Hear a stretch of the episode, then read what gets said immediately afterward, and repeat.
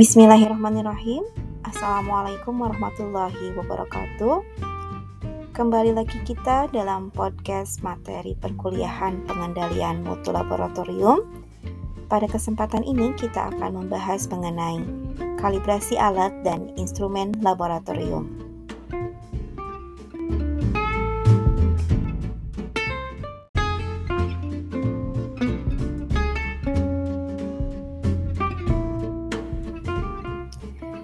Pada proses pengukuran yang dilakukan, sering kali terjadi perbedaan hasil pengukuran, walaupun proses pengukuran dilakukan dengan menggunakan alat ukur yang sejenis.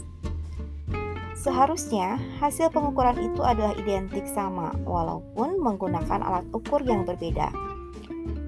Perbedaan hasil pengukuran ini terjadi karena berbagai pengaruh, di antaranya adanya pengaruh lingkungan, operator, serta metode pengukuran.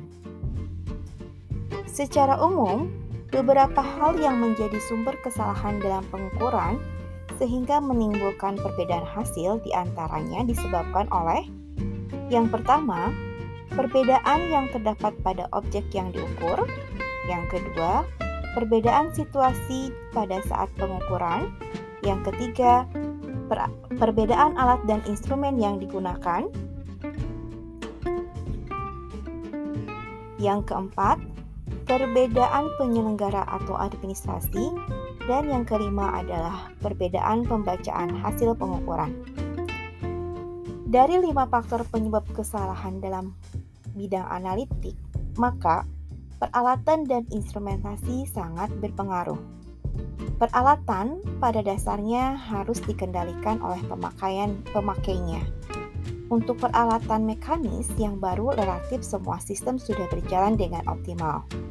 Sebaliknya, untuk alat yang sudah berumur akan banyak menimbulkan ketidakoptimuman karena komponen aus, korosi, dan sebagainya. Demikian juga peralatan elektrik. Pencatatan harus selalu dikalibrasi dan dicek ulang akurasinya. Untuk peralatan yang menggunakan sensor atau detektor, maka perawatan dan kalibrasi memegang peranan penting dalam menjamin keandalan dan kualitas dari suatu instrumen.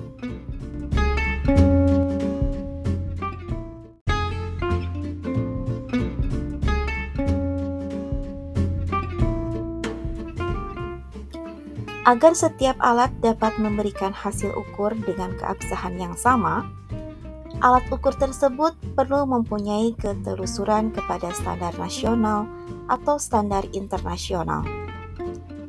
Cara untuk memberikan jaminan bahwa alat yang digunakan mempunyai ketelusuran kepada standar nasional adalah dengan melakukan kalibrasi terhadap alat tersebut. Lebih dari itu, untuk memelihara ketelusuran tersebut, perlu dilakukan perawatan alat dalam selang kalibrasi tertentu.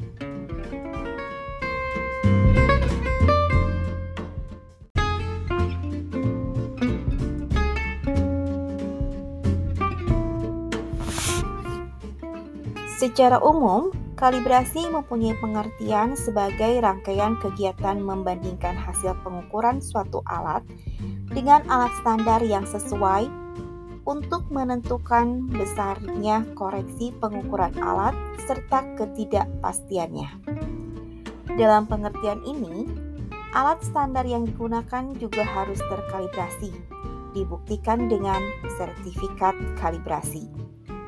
Dengan demikian, maka besarnya koreksi pengukuran alat dapat ditelusurkan ke standar nasional atau standar nasional dengan suatu mata rantai kegiatan kalibrasi yang tidak terputus. Alat ukur yang telah dikalibrasi tidak akan secara terus-menerus berlaku masa kalibrasinya, karena peralatan tersebut selama masa penggunaannya pasti mengalami perubahan spesifikasi akibat pengaruh frekuensi pemakaian, lingkungan penyimpanan, cara pemakaian, dan sebagainya. Untuk itulah, selama berlakunya masa kalibrasi alat bersangkutan, perlu dipelihara ketelusurannya dengan cara perawatan dan cek antara secara periodik.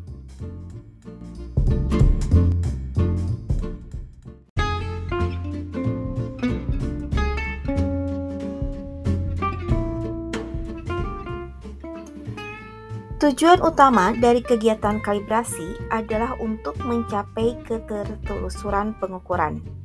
Hasil pengukuran dapat dikaitkan atau ditelusur sampai ke standar yang lebih tinggi atau lebih teliti, seperti standar primer nasional dan internasional, melalui rangkaian perbandingan yang tidak terputus.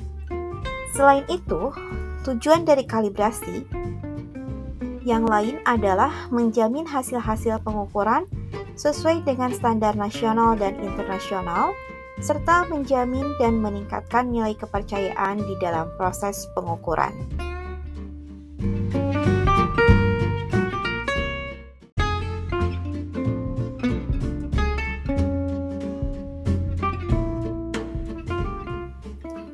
Manfaat dari kalibrasi di antaranya adalah menjaga kondisi instrumen ukur dan bahan ukur agar tetap sesuai dengan spesifikasinya, mengurangi kesalahan hasil pemeriksaan, menjaga konsistensi mutu hasil pemeriksaan yang dihasilkan, mengetahui penyimpangan antara nilai benar dengan nilai yang ditunjukkan oleh alat ukur, dan mendukung sistem mutu yang diterapkan di laboratorium pada peralatan laboratorium.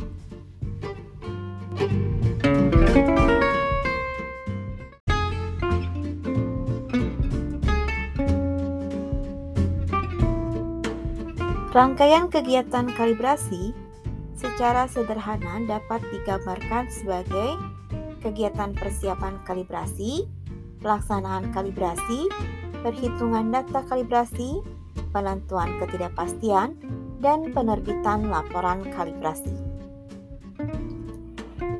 Yang termasuk ke dalam persiapan kalibrasi di antaranya adalah persiapan alat standar dan alat yang dikalibrasi. Alat yang akan dikalibrasi dan alat standar dikondisikan pada kondisi yang sama sesuai dengan metode kalibrasi. Yang kedua, pelaksana kalibrasi. Pelaksana kalibrasi harus dipilih orang yang mengerti tentang penggunaan alat ukur serta telah mendapat pelatihan tentang penggunaan alat ukur dan kalibrasi. Yang ketiga, kondisi lingkungan kalibrasi. Kondisi lingkungan kalibrasi harus diatur sedemikian sesuai persyaratan metode kalibrasi, seperti suhu dan kelembaban. Yang keempat, Metode kalibrasi. Metode atau proses kalibrasi dapat mengacu pada metode standar internasional maupun standar stand lainnya seperti textbook, jurnal, buletin, dan manual peralatan. Selain itu, dari beberapa pilihan metode kalibrasi, dapat dipilih metode yang mudah dilaksanakan. Karena sulitnya mengikuti metode kalibrasi, dapat berakibat kesalahan dalam pengambilan data kalibrasi.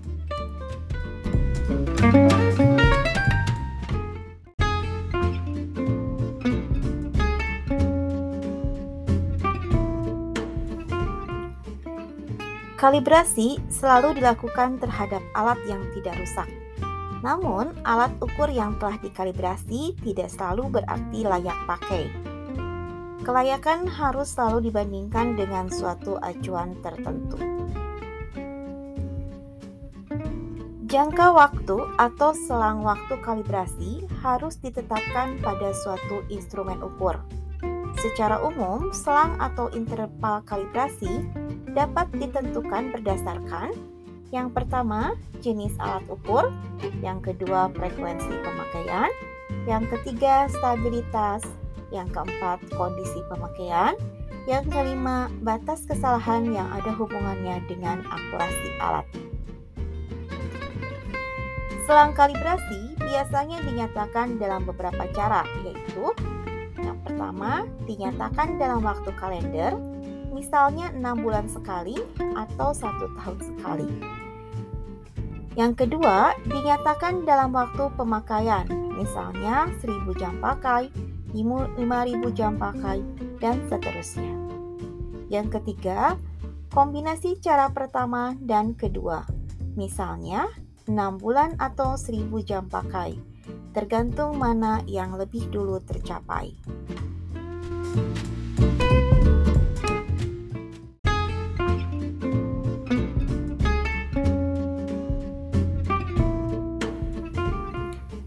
Demikian podcast kita kali ini. Sampai berjumpa lagi di podcast selanjutnya. Semoga semuanya sehat selalu dan tetap bahagia. Terima kasih. Assalamualaikum warahmatullahi wabarakatuh.